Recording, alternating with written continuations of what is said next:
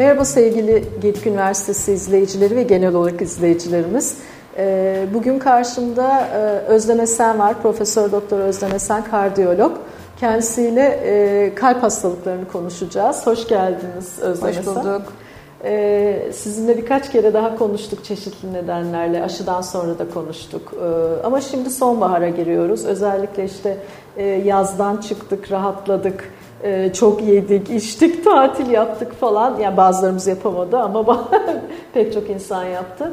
Ee, şimdi hem böyle sonbahara hazırlık gibi konuşalım. Kalbimizi kontrol ettirmemiz gerekir mi bu aşamada eğer hani sorun olduğunu düşünüyorsak ya da olmasa da yaptırmalı mıyız? Öncelikle e, yazdan çıkışta ne gibi sorunlar bizi bekliyor onu söyleyelim. Aslında bu sonbahar herkesin yaşadığı bir geçiş dönemi. Nasıl e, öğrenciler okula hazırlanıyor? Herkes bir zihinsel bir hazırlık içinde evet. aslında. E, bu zihinsel hazırlığın bir parçası Hı. sağlık olarak hazırlayız. Yazı biraz dediğiniz gibi tatil yaparak değerlendirirler. Evet. Bir kısmı e, kişilerin tatil yaptıktan sonra kilo aldığını görüyoruz. Aynen. E, biraz alkol tüketiminin arttığını bu dönemde görüyoruz. E, tatilin zihnen rahatlamanın yanı sıra fiziksel bu yönleri bize katkısı olabiliyor. Dolayısıyla hani sonbahara geçişte tabiri caizse bunları resetlememiz gerekiyor. Evet. Ama bunu yaparken de çok doğal bir e, gidişat olması Hı-hı. lazım. Çok zaman biz hekimler duyuyoruz. E, bir detoks kürüne gireceğim. İşte Hı-hı. bu tatilin etkilerini e, temizlemek için vücudumu e, nokta nokta bir takım Hı-hı. şeyler, kürler yapacağım Hı-hı. gibi e, ifadeler duyuyoruz. Aslında bunlara çok e, yer vermemek gerekiyor. Hı-hı bir durum tespiti yapmak gerekiyor. Evet. Hani biz ideal kilomuzdan ne kadar uzaklaştık? Hı hı. Varsa hastalıklarımız yüksek tansiyon, kolesterol hı hı. yüksekliği gibi bu değerlerimizden ne kadar uzaklaştık? Ee, bir o durum tespitine gitmemiz hı hı. lazım. O dediğiniz gibi de bunu bir doktor kontrolüne yapmak e, daha sağlıklı olacak özellikle kilo, yağ oranları, e, tansiyon kontrollerini yapmak Yapması adına. gerekiyor. Çünkü şöyle düşünüyorum. E, özellikle hani yazın o rahatlamak ve rahatlamanın getirdiği hakikaten zihinsel rahatlamayla birlikte ama nasılsa ben bunu veririm, nasılsa ben bunu yaparım. Çünkü bu çoğumuzun yaptığı bir şey. Her pazartesi diyete başlamak kadar değilse de evet. onun gibi bir şey e, işte beslenmemi şu duruma getiririm, olurum falan gibi. Ama hava soğumaya başladıkça vücutta damarlar daralıyor belki o genişlemede değil mi? Bilmiyorum ben hani hı hı. E, öyle olduğunu düşünüyorum. E, ondan önce bir bakım yani bakım demeyeyim de ben ne durumdayım mı? Evet durum tespitini bakımı hı. E, güzel hı hı. dediniz. E, bu noktada en önemli şeylerden biri evet diyet değil ama biraz daha disiplinize etmek yaşam biçimimizi. E, çok sıcak bir yaz döneminden evet. geçtik. Yüzyılın sıcak günleri hı hı. diye hep e, de konuşuldu biliyorsunuz. Dolayısıyla açık havada vakit geçiremedik. istediğimiz kadar belki hareket edemedik. Hı hı. Yürüyüş imkanı olmadı. Azaldı. E, bu hareketliliğimiz azaldıkça hı hı. da e, spor fikrinden uzaklaşmış olduğumuzu hı hı. ben görüyorum daha doğrusu hem hastalarımızdan hı hı. hem de çevremdeki kişilerden. E, sonbahar bunu disiplinize etmek için iyi bir dönem. Çok, çok güzel, güzel evet. dediğiniz gibi hava serinledi. Hı hı. Aslında tam da egzersiz yapılacak bir açık havada e, geçiş yaparken geçiş yapmak hı hı. için çok iyi. Henüz o soğuk damar büzüşme dediğiniz aslında o da çok doğru. Soğuk evet. kış günlerinde hı. onu çok konuşuyoruz ama hı hı. henüz o döneme girmediğimiz için bu önümüzdeki 3 ay çok keyifli bence e, vücudumuzu e, tekrardan resetlemek adına. Evet bir yoluna koymak için. Evet burada çok sert hareketler yapmak, sert dönüşler yapmamak gerekiyor. Yani bir yanda çok güzel tatil geçirdik, hava aldık ama 180 derece ben e, gluteni de bırakıyorum, eti de bırakıyorum ama e, günde şu kadar saat spor da yapıyorum dercesine değil. Ufak ufak vücudu alıştırmak gerekiyor. E, çünkü bir anda kondisyonu olmayan bir vücuda sır hırslı bir e, hızlı bir tempoya soktuğunuz zaman da kas yorgunluğu yaşamamız mümkün. Kas yorgunluğu neye neden olur? E, kas yorgunluğu dediğimiz şey aslında bu dönemde yağ oranımız artmış, kas oranımız Hı-hı. düşmüş oluyor Tabii. hareketsiz e, kaldığımız dönemde. Hı-hı. Daha kas oluşumunu tetiklemeden vücudumuz bir anda spora e, yüklenirsek burada e, erken yorulma yani kapasitemizi tam kullanamama e, sıkıntısıyla o karşı karşıya ha, geleceğiz. Yani o mantıklı olan da az az hayatımıza bu hareketi e, katmak. katmak yani olacak. Kalp sorunu yok ama yani kalbe yüklenilsin yok, hayır, gibi bir kalple şey değil. yüklenilsin. Burada Hı. kalp damar hastaları veya bilinen bir kalp hastalığı Hı. özelinde konuşmuyorum. Hı. Genel, Genel sağlık, sağlık tavsiyesi olarak evet. bahsediyorum. Peki e, şimdi e, bunu sordum ama ben şuna hazırlık için sordum. Hı hı. E, sosyal medya malumumuz e, çok fazla bilgi kirliliği evet. iyice oluştu yani. Bazı e, kardiyologların, e, ya isim vermeyeceğim, bir takım önerilerde bulunduklarını görüyorum. Karşıma çok çıkıyor aynı alanlara baktığım için herhalde. E, işte mesela bir doktor, e, hatırlamıyorum da gerçekten adını, işte kalp hastalığı olasılığı olan ya da kalp hastası olan kişilere önerilerde bulunuyor. Hı hı. Ee, sağlıklı yiyecekler kalp için bunlardır, bunları tüketin hı hı. Ee, derken mesela e, gluten dediğiniz için bunu soracağım. Hı hı. İşte glutensiz ya da başka bir şekilde sağlıklı ekmek yoktur diyor. Hı hı. Kalp hastası için ekmek olmaması gerekir hı hı. şeyine getiriyor. Bu doğru mu? Yani e, özellikle kalp hastalarından bahsediyorum. Hı hı. Hangi durumda bu e, hakikaten kalbi yoran ya da e, sağlığı etkileyen bir şey? Ee, şimdi gluten teorisinin özeline girecek olursak hı hı. bu konuda çok fazla bilgi var ama bu dediğiniz hı hı. gibi bunun bilimsel olanı var. Ee, kimisinin duymaktan hoşlandığı bilgi hı. kısmı var zayıflamak adına, diyetler hı hı. adına. E, kalple ilgili kısmını konuşacak olursak hı hı. E, burada tek bir data yok. Yani kalp hastası kesinlikle ekmek yiyemez diye bir hı. bilgi demek çok doğru olmaz. Hı hı. Ama ne olabilir? Bizim beyaz undan yapılmış gıdaların insülin direncimizi hı hı. artırdığı çok aşikar. Yani ülkemizde hı hı. özellikle beyaz un tüketimi ve buna bağlı hamur iş tüketimimiz çok, çok yoğun. Ee, yöresel lezzetler olsun, günlük tüketimimiz simitten hı hı. tutalım bir takım e, günlük unlu mamullere Hı-hı. kadar çok fazla ama ekmeğe bunu özeline indirmek, Hı-hı. ekmek gibi bir şeyi e, gıdadan kesmek mümkün değil. Hı-hı. Bunu e, gluten, o, beyaz un oranı kısmını azaltıp tam tahıllı kısmını kullanıyoruz Hı-hı. biz ifade olarak zaten. Evet. E, yani lif oranı yüksek gıdaların Hı-hı. tüketim her zaman kalp hastalıkları ve kalp sağlığı için faydalı olduğunu biliyoruz. Ama ekmek yemeyiniz, ekmekten uzak durunuz diye bir tavsiyemiz yok. Ve bunun zaman dilimi miktarı çok önemli. Hı hı, evet. Dolayısıyla siz yediğiniz ekmeği sabah kahvaltısına sınırlayıp ve bunu da spor arkasından e, tüket e, yakabiliyorsanız problem yok. Yani hı. diyabet hastası değilseniz, başka e, rahatsızlıklarınız yoksa bir kalp hastası ekmek yiyemez diye bir önerimiz yok. Bu doğru Anladım. olmaz. E, çok çeşitli metabolizma tipleri var. Tek bir metabolik yanıtı bir kişiye ve bir hastalığa yüklemek buradan Mümkün sağlıklı değil. bir tavsiye olmayacaktır. Anladım. Doğru olan bu ifade değil yani. Ama bütün toplumun geneline bunu Hı-hı. yöneltecek olursak bizim ülkemizde ciddi bir obezite problemimiz var, insülin direnci, diyabet Hı-hı. gelişimimiz var. Bizim her halükarda beyaz unlu gıda, rafine şeker gibi bunları tetikleyen gıda gruplarından ve paketli gıdalardan uzak durmamız gerekiyor. Ama beyaz ekmek özelinde e, konuşacak olursak e, bazen ne oluyor? Yemeğin büyük bir kısmını ülkede bu ekmeğin ağırlığı, beyaz evet, un. beyaz unlu gıdaların yer aldığını düşünüyoruz, görüyoruz. Bunu kısıtlamak çok önemli. Kısıtlamak derken? Kısıtlamak derken akşam belli saatten sonra belki beyaz unlu gıdalar veya karbonhidrat yükü hmm. ağır gıdalar tüketmemek. Çünkü e, akşam saatlerinde tüketilen karbonhidratı vücudumuz daha az oranda e, hmm. yakabiliyor, işleyebiliyor. işleyebiliyor. Dolayısıyla bunu sabah saatlerinde hmm. e, tüketmek ve dediğim e, miktarları geçmeyecek şekilde. Bizim kalp dostu dediğimiz Akdeniz diyetidir mesela. Evet, Dünyada da kabul bulan evet. e, Akdeniz diyetinde zaten e, bir biraz karbonhidrat vardır. Bu birazı taze meyvelerden gelir. Bir kısmı da aslında hı hı.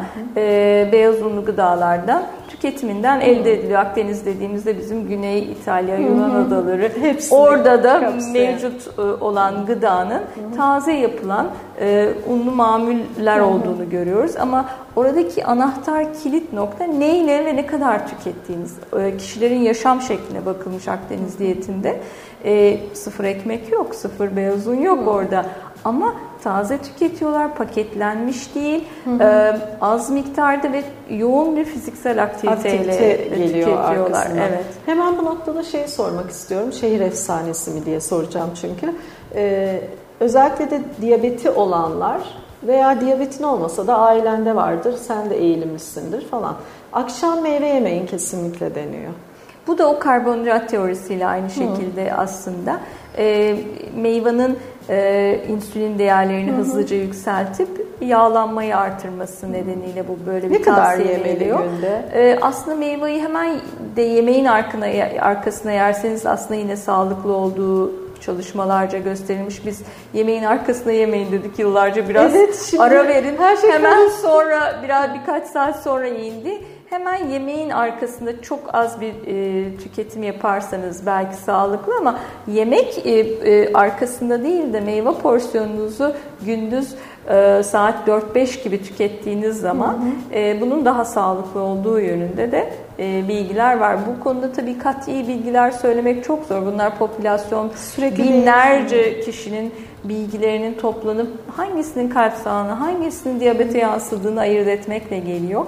E, çok güvenilir bilgiler olmuyor. Hmm. Dolayısıyla bunları toplum bazında tavsiye etmek için çok sağlıklı bilgiler değil. Onun için bireysel kişinin değerine ve Durumuna. yaşam şekline göre bence bu tavsiyeleri ben vermek. Ben şeyi soracaktım. Hani ne kadar meyve yemeliyiz e, bir, bir günde? porsiyon meyve diye geçer genelde bizim tavsiyeler. Evet kilo kontrolü yaptığımız Hı. ve aynı şekilde insülin değerlerini korumak istediğimizde hı hı. bir porsiyon meyvanın her meyve için geçerli olduğu miktar var mesela. Hani hı. diyetisyenlerin onların porsiyonladığı. Evet, iki tane derler. Evet, Erik e, belki üç tane. Mesela karpuz için iki tane üçgen dilim hı. kullanılır. 10-12 adet kiraz denir. Hı. Bunlar birer porsiyon meyvedir. Her biri bir porsiyona denk gelir ama biz güzel bir e, bolluk ülkesiyiz. E, yaz meyvesi deyince her birinden birer porsiyon tüketebiliyoruz. Yani. Problem orada başlıyor bence.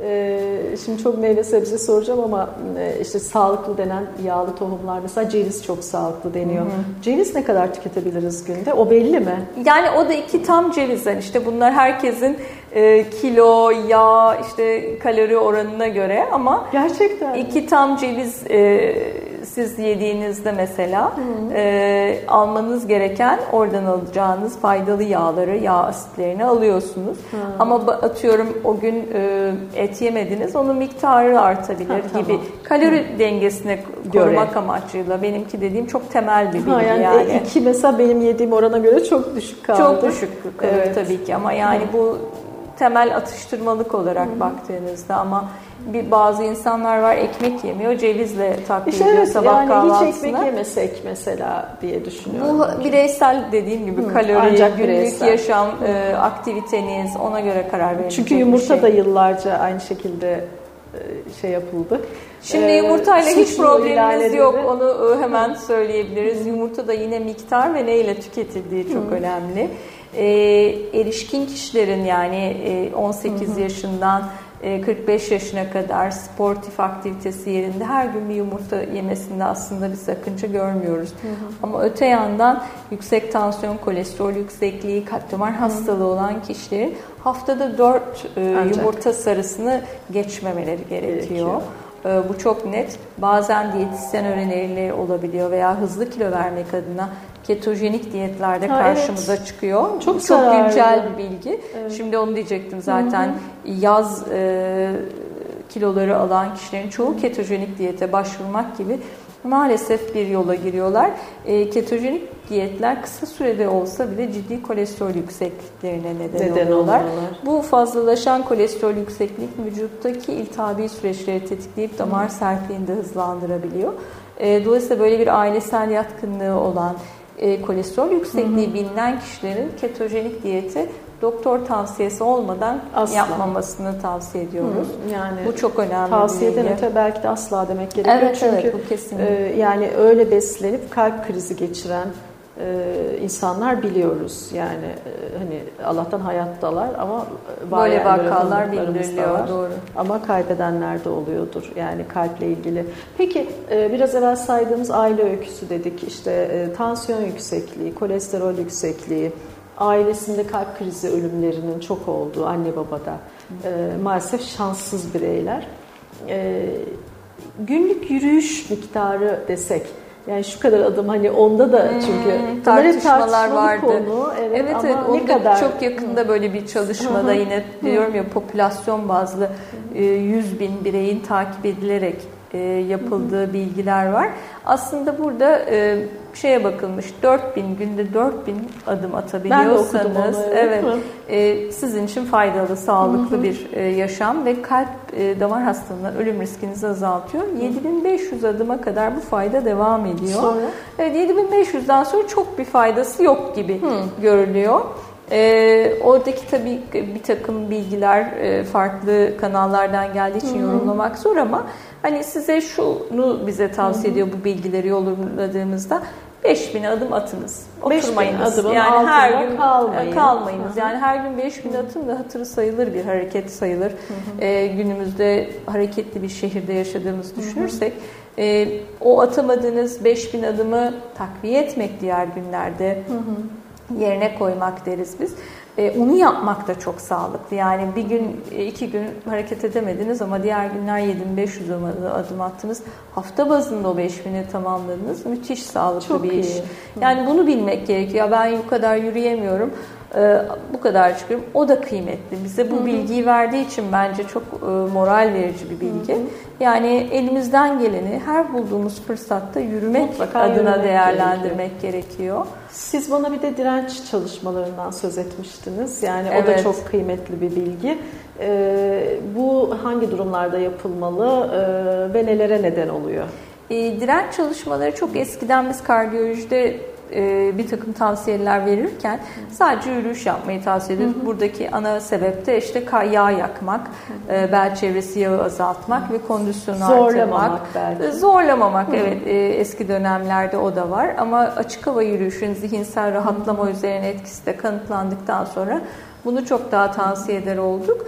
Yeni bilgiler bize yaş ilerledikçe yaşlanmayı durdurucu, yaşlanma hmm. karşıtı hareketleri hmm. e, gösteriyor. Bu yaşlanma karşıtı hareketlerin başında da direnç egzersizleri. Hmm. Şimdi konuştuğumuz gibi postürümüz, evet. duruşumuz ha, evet, yani omurgayı e, sağlıklı tutacak hareketler de çok kıymetli oluyor. Dolayısıyla yaşlanmanın birinci e, karşıtı kas kaybı olmayacak. Hı hı. Yani kaslarımızı güçlü tutacağız. O zaman ne olacak? Ufak ağırlıklarla e, bu kasları çalıştırmak gerekiyor. E, direnç egzersizleri dediğimiz şey eskiden biz ağırlık kaldırmayın deyip hemen Neden? karşı çıkardık. Neden? E, çünkü ağırlık kaldırdığımız zaman tansiyon yükselir, hı. nabız e, yükseliyor ve kalp e, iş gücü yani kalbe binen iş yükü Artıyor. arttığı için hı hı. kalp damar hastalığı varsa hı hı. da gizli uyarabiliyor. Bu halen bilgi geçerli ama hı hı. ufak ağırlıklarla günümüzde fonksiyonel egzersiz adı altında çok bilinçli e, spor hocalarıyla veya bir takım merkezlerde hı hı. bunu yapmak mümkün. Bu fonksiyonel egzersizlerin şimdilerde vücudu rahatlatıcı etkilerini hı. görmekteyiz. Hı hı. Bu e, yaşlanmayı geciktirmenin yanı sıra Yeni bir bilgi bazı direnç egzersizleri tansiyonu da düşürebiliyor. Çok güzel. Öyle Belki sonrasında Daha mi? sonrasında takip eden günlerde bu direnç egzersizi yapan kişilerin tansiyon değerlerinin e, önceki değerlerine göre daha düşük olduğu gözlenmiş. Dolayısıyla artık hani doktor onayı alınmış, e, sağlığı yerinde kişilerin bu tür egzersizleri yapmasında da bir, bir engel yok. Yani onu da bilmek gerekiyor. Şimdi başka bir sorum daha var. Böyle bugün böyle sorulardan gidiyoruz. Ee, benim mail ortamında bile çok geliyor. İşte yabancı kaynaklardan da geliyor. Ee, okumaya e, gerçekten sıkıldığım şeyler var bir sürü. Ee, bu diyabeti, e, diyabet olasılığına karşı ya da diyabeti olanlara verilen matofin ya da e, yani şimdi burada hani söyledim ama Metformin Met, maddesi. Evet. Metformin. Aynen. Bunun kansere yol açtığına dair Hı-hı. böyle acayip bilgiler sürekli geliyor ve Hı-hı. bu çok tabii ürkütücü bir şey. Ee, Tatlandırıcı konusu olabilir mi acaba? Hayır, hayır metformin, metformin konusunda aynen, da çünkü aynen. en son biliyorsunuz tatlan evet, yapay tatlandırıcıların çok net, çok net şey. bir hani evet. daha doğrusu Dünya Sağlık Örgütü hı hı. bunu bir kanserojen hı. madde evet, olasılığı kabul nedeniyle etti. kabul etti. Ama bun, buna dair geliyor. Ben size göndereyim Metforminle ilgili benim medikal ortamda, akademik ortamda hı. bir karşıma çıkan bir yazı yok. Hı. O zaman ee, bilakis metformin maddesi biraz daha e, içerik olarak e, zayıflamayı tetik, e, kolaylaştırıcı insülin direncini tedavi ettiği için e, yıllardır çok rağbet edilen, tedavi planlarında yer verilen bir madde. Hı hı. E, anti-aging olarak da yeri geçiyor ama evet, ben de kanserojen olması noktasında bu. böyle bir şey çok e, dikkatimi çekmedi. Bombardıman gibi geliyor mailler. Hmm, yani o kadar arka arkaya arka arkaya yani biraz evvel bile geldi. Hmm. Arada yani beklerken. incelemeye değer oldu vak evet. vakit ama dediğim gibi yani. medikal dünyada böyle bir data yok. Anladım. Henüz yani bizim konuşmalarımız arasında geçmiyor. Anladım. Şimdi e, programımızın son 15 dakikası şeyi sormak istiyorum. Hani yeni bir şeye geçeyim. E, böyle bir durum Bence var, sizce var mı bilmiyorum. Hı hı. E, çünkü hani doktorlar genellikle e, aş, aşının zararlarını çok da kabul etmek istemiyorlar ama gerçekten bu kadar çok kalp krizi, o kadar e, yani tabii ki yaşınız ilerliyor diyeceksiniz. Arkadaş çevrenizden bu nedenle olabilir diyebilirsiniz ama denk geldiği bir dönem hatırlamıyorum. Ee, yani bu iki yılda... Kalbe bağlı ölümleri daha çok görüyoruz son pandemi evet, döneminde. Bunların aşıyla olan kanaması. ilişkisi var mı diyorsunuz? Hı-hı. Yaşları da bu insanların 40 yani benim çevremden 40 ile 60 arası ve e, gerçekten çok fazla. Aslında bizim ülkemizde tam da dediğinize uyan yaş diliminde maalesef çok genç kalp krizleri ülkesiyiz.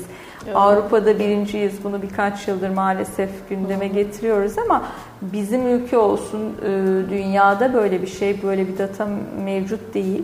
Yani aşıların kalp krizine neden olup ölümleri arttığına dair herhangi bir bilgi yok. Hmm. Bunu çok net rahatlıkla, gönül rahatlığıyla söyleyebilirim. Hatta çok yeni bir çalışmada aşıyla takip edilen hastaların tüm nedenlere bağlı ölümlerin bile hani azaldığı Söyle. söylenen e, saptanan söylemekten hı hı. öte bir e, bilgi var. Bu neden? E, çünkü COVID olduğunuz zaman, hı hı. COVID mikrobuyla karşılaştığınız zaman e, diğer hastalıkların da tetiklendiğini çok daha iyi biliyoruz. Yani hı. inme yaşayanlar oldu, pıhtatmaya bağlı ölümler yaşadık COVID zamanı.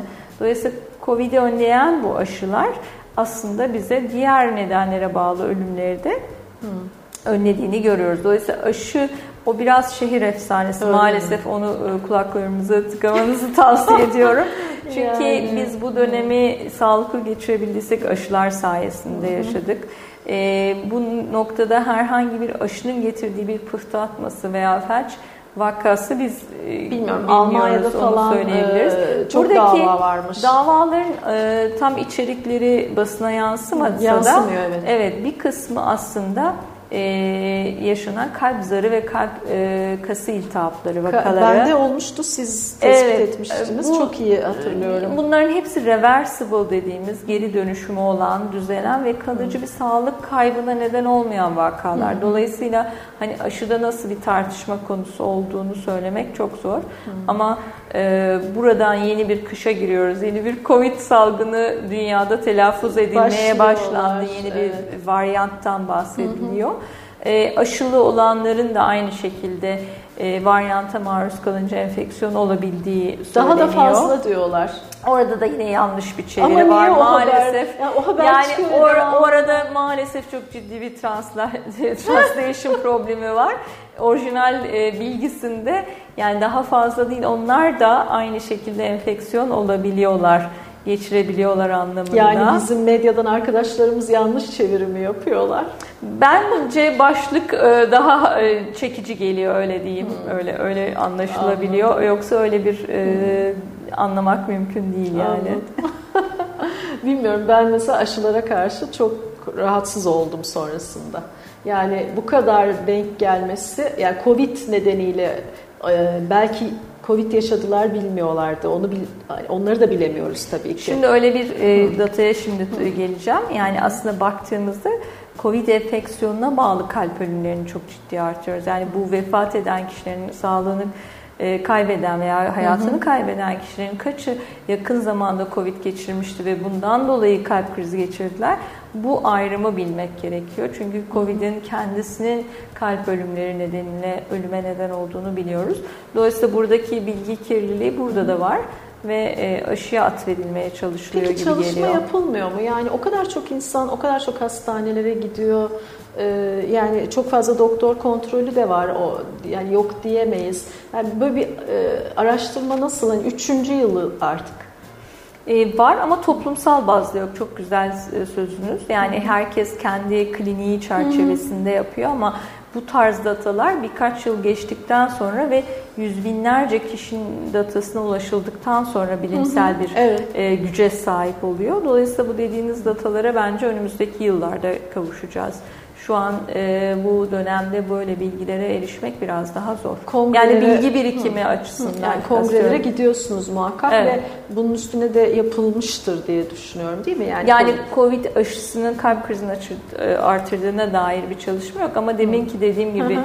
uzun soluklu en önemli çalışmalardan biri COVID aşısının tüm nedenlere bağlı ölümleri azalttığına dair bir bilgi. Hı hı. Yani dolayısıyla aşı kalp krizinin özelinde artırıyor diye bir bilgi yok. Yani bu birinci ağızdan Anladım. tıbbi bir bilgi yani. Evet, evet. Rahatlayalım. Rahatlayabilirim. Yani. Rahat nefes alabiliriz. Aşı olanlar özellikle e, bu noktada kendilerini huzursuz hissetmesin. Ee, yüksek tansiyon e, böyle hani e, bütün kalp hastalıkları ile ilgili her şeyi de e, böyle sıra sıra sormak istiyorum. Çünkü e, en çok da rastlanan yüksek tansiyon.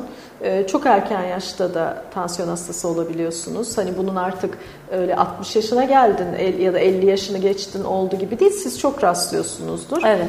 Yüksek tansiyon hastası demek için birine ne olması gerekiyor? Yani hani o tırnak içindeki rakamlar, rakamlar ya nedir? da zamanlar. Ee, yüksek tansiyon aslında gençlerde de görülen bir tansiyon e, çeşidi ve eskiden sadece yaşlandığınızda ortaya çıkan evet, gibi bir hastalık olarak Hı-hı. bilinirdi. Ama e, ülkemizde yani yüzde 25'leri, yüzde 30'ları buluyor gençlerdeki Hı-hı. tansiyon görülme e, oranları. Hı-hı. E, dolayısıyla e, bizim e, standart rakamımız 14.9 yani 140'a 90 tıbben bizim ölçümümüz ama 14'e 9 dediğimiz halk tabiriyle tansiyonunuzu iki kez sakin bir ortamda ölçtüğünüz ve 14.9 ve üzerinde bulduğunuz zaman aslında size yüksek tansiyon teşhisi Konabilir. konabiliyor. Yani bu ama hemen ilaç başlayacaksınız anlamına gelmiyor. E, dönemleri var. Bunun 6 aylık sürede diyete rağmen devam etmesi hiçbir riskiniz olmadığı hmm. takdirde ilaca başlamak için bir sebep olurken hmm. başka kişilerde doğrudan 16-10 çıkan bir tansiyona doğrudan ilaç vermemiz hmm. gerekebiliyor.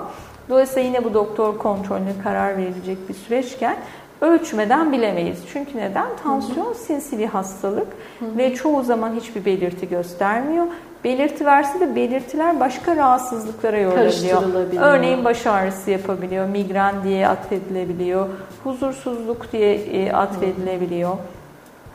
Kimisi e, dengesizlik, görmede bulanıklık, başka bölümlere hı hı. kişiler öncelikle başvuruyorlar ama tansiyon ölçmek akıllarına gelmiyor. Hı hı. Onun için her doktor muayenesinde bir parçasıdır tansiyon. Hı hı. Ee, tansiyon Muhakkak. ölçmek gerekiyor ama bir doktora gitmeseniz dahinde bizim için ev ölçümü dediğimiz evde yaptığımız ölçümler de hı hı. çok faydalı. Ee, evdeki ölçümlerimiz hatta 13,5-8,5'un e, üzerindeyse o zaman bizim için de kıymetli. 14,9 doktor yanındaki ölçüm. Hmm. Çünkü bir miktarda evet, heyecan evet, e, oluyor. oluyor. İster istemez. Evet, özellikle tansiyonum ölçümünün nasıl yapıldığı çok önemli. İşte öncesinde, yarım saat öncesinde e, sigara, kafein veya çay gibi uyarıcı maddeler olmayacak e, bir dinlenme süreci olacak 10-15 dakika. Hemen hı hı. gider gitmez çoğu anlayışta ülkemizde hemen bir eczaneye gideyim, tansiyon hı hı. ölçtüreyimdir. Halbuki oraya koşarak gidilir, bir heyecan olur. Tabii orada bekle, Bunları, beklemek evet. bile bazen olmuyor. Bunlar bile etkiliyor. Hı hı. Anladım. Peki 14-9 dediniz. Hiçbir zaman tansiyon 9'a çıkmamış birisi ama yine de tansiyon hastası kabul edilebiliyor. Yani 14 7, 8 olan biri de Evet bizim e, izole sistolik hipertansiyon dediğimiz bir kavramımız var. Sadece büyük tansiyon yine halk Hı. arasında tabir edilen büyük tansiyon Hı. dediğimiz e, değerimiz yüksek kalabiliyor. O da bir tansiyon çeşidi Hı. bizim için. Daha çok e, bir cins tansiyon e, kısmında görüyoruz bunu. e, onu da bir yüksek tansiyon olarak kabul ediyoruz tabii ki. Hı, yani iki unsur farklı farklı farklı evet. farklı değerlendiriliyor muhakkak. Evet. Anladım. Yani e, peki şimdi şeyi soracağım. Yani genellikle insanlar tamam bir tansiyonu yüksek e, bir ilaçla düşürmeye çalışıyor. Gördüğüm şeyler bunlar. Yani okumuş, yazmış bir sürü insanda ve onu atlatmaya çalışıyor. Yani tansiyon hastasıyım diye kabul etmiyor çünkü. Hı hı. Ya da işte dediğim gibi aile öyküsü var, e, kolesterol de yüksek, baktırmıyorlar. E, bunun e, mesela teşhis edilmesi için bir kalp sağlığı sorununun olup olmadığını hangi yöntemler? O da aslında çok güzel bir konu. Yani aslında tansiyon bize çalışan bir cihazın hı hı. E, bir problem olduğunun hı hı. alarm vermesi evet. yani bize bir mesaj hı hı. veriyor vücut aslında. Bu tansiyon niye yükseliyor diye ilk önce araştırmak hı gerekiyor. Birçok sebebi var tansiyon yükselmesini yapabilecek. Kilo fazlalığı, stres, uykusuzluk. Günümüzde hı hı. mesela bir uyku apnesi dediğimiz uykuda saniyelik nefes durmasının bile bir tansiyon sebebi olduğunu hı hı. biliyoruz. E, kötü beslenme, çok ciddi e, gün içerisinde tuzlu gıda, hazır gıda tüketimi, hı hı e, bir tansiyona neden oluyor. Fazla hareketsiz Kafein. kalma, sigara tüketimi yani bu e, böyle yaşam şekli e, kapsamı altında birçok yön var aslında tansiyona sebep olacak. ama bazı hastalıklar da var. Tiroid hastalıkları gibi, böbrek hastalıkları, böbrek üstü bez hastalıkları.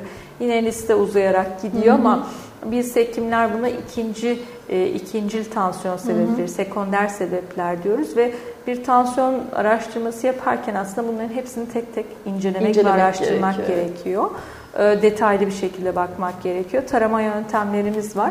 O yöntemlere başvurmak gerekiyor. Ama dediğiniz gibi birincisi her hekimin yapabileceği bir tedavidir tansiyon tedavisi ama mutlaka devam edilmesi, idamesi hı hı. E, bu noktada kalp damar hastalıkları evet. uzmanından olması lazım. Aynı noktada tansiyon kalbe zarar vermiş mi, böbreği etkilemiş mi gibi. Hedef Test, organların etkilerinin etkilenmediğine de bakmamız gerekiyor. Yani bu mesela eforlu eko e, çekilmesi falan aslında e, standart testlerine göre e, yapıyoruz yani Hı. bir e, koşu testi, bir Hı. kalp elektro e, EKG'si, kalp ultrasonu dediğimiz ekokardiyografi, Hı. gerekiyorsa bir böbrek ultrasonografisi, detaylı Hı. kan tetkikleri bunların hepsini görmek gerekebiliyor evet. E, son olarak e, anjiyoyu soracağım. Çünkü Hı. anjiyo yani e, travmatik bir şey olarak algılanıp çünkü invaziv yöntemlerden biri hı hı. diye düşünüyorum ki öyle değil mi yani? Evet. E, BT anjiyo ayrı o şey tomografik sanal evet, anjiyo. Belki o da invazivdir bilmiyorum yani damar içine çünkü ister istemez Evet o yani non invazif madde... olarak geçiyor ama vücut Hı-hı. bütünlüğüne karşı yine de Tabii, bir müdahaledir. Yine bir müdahale e, olduğu için. Evet. E, anjiyoyu hangi durumlarda e, başvurulmalı? Evet anjiyo yani konusu. Kim oraya yatacak hasta? Yani Şimdi, bu benim en şey yaptığım Bizim teşhis yöntemlerimizin aslında böyle piramidin en tepesinde Hı. geliyor gibi. Çünkü her şeyi yapıyoruz.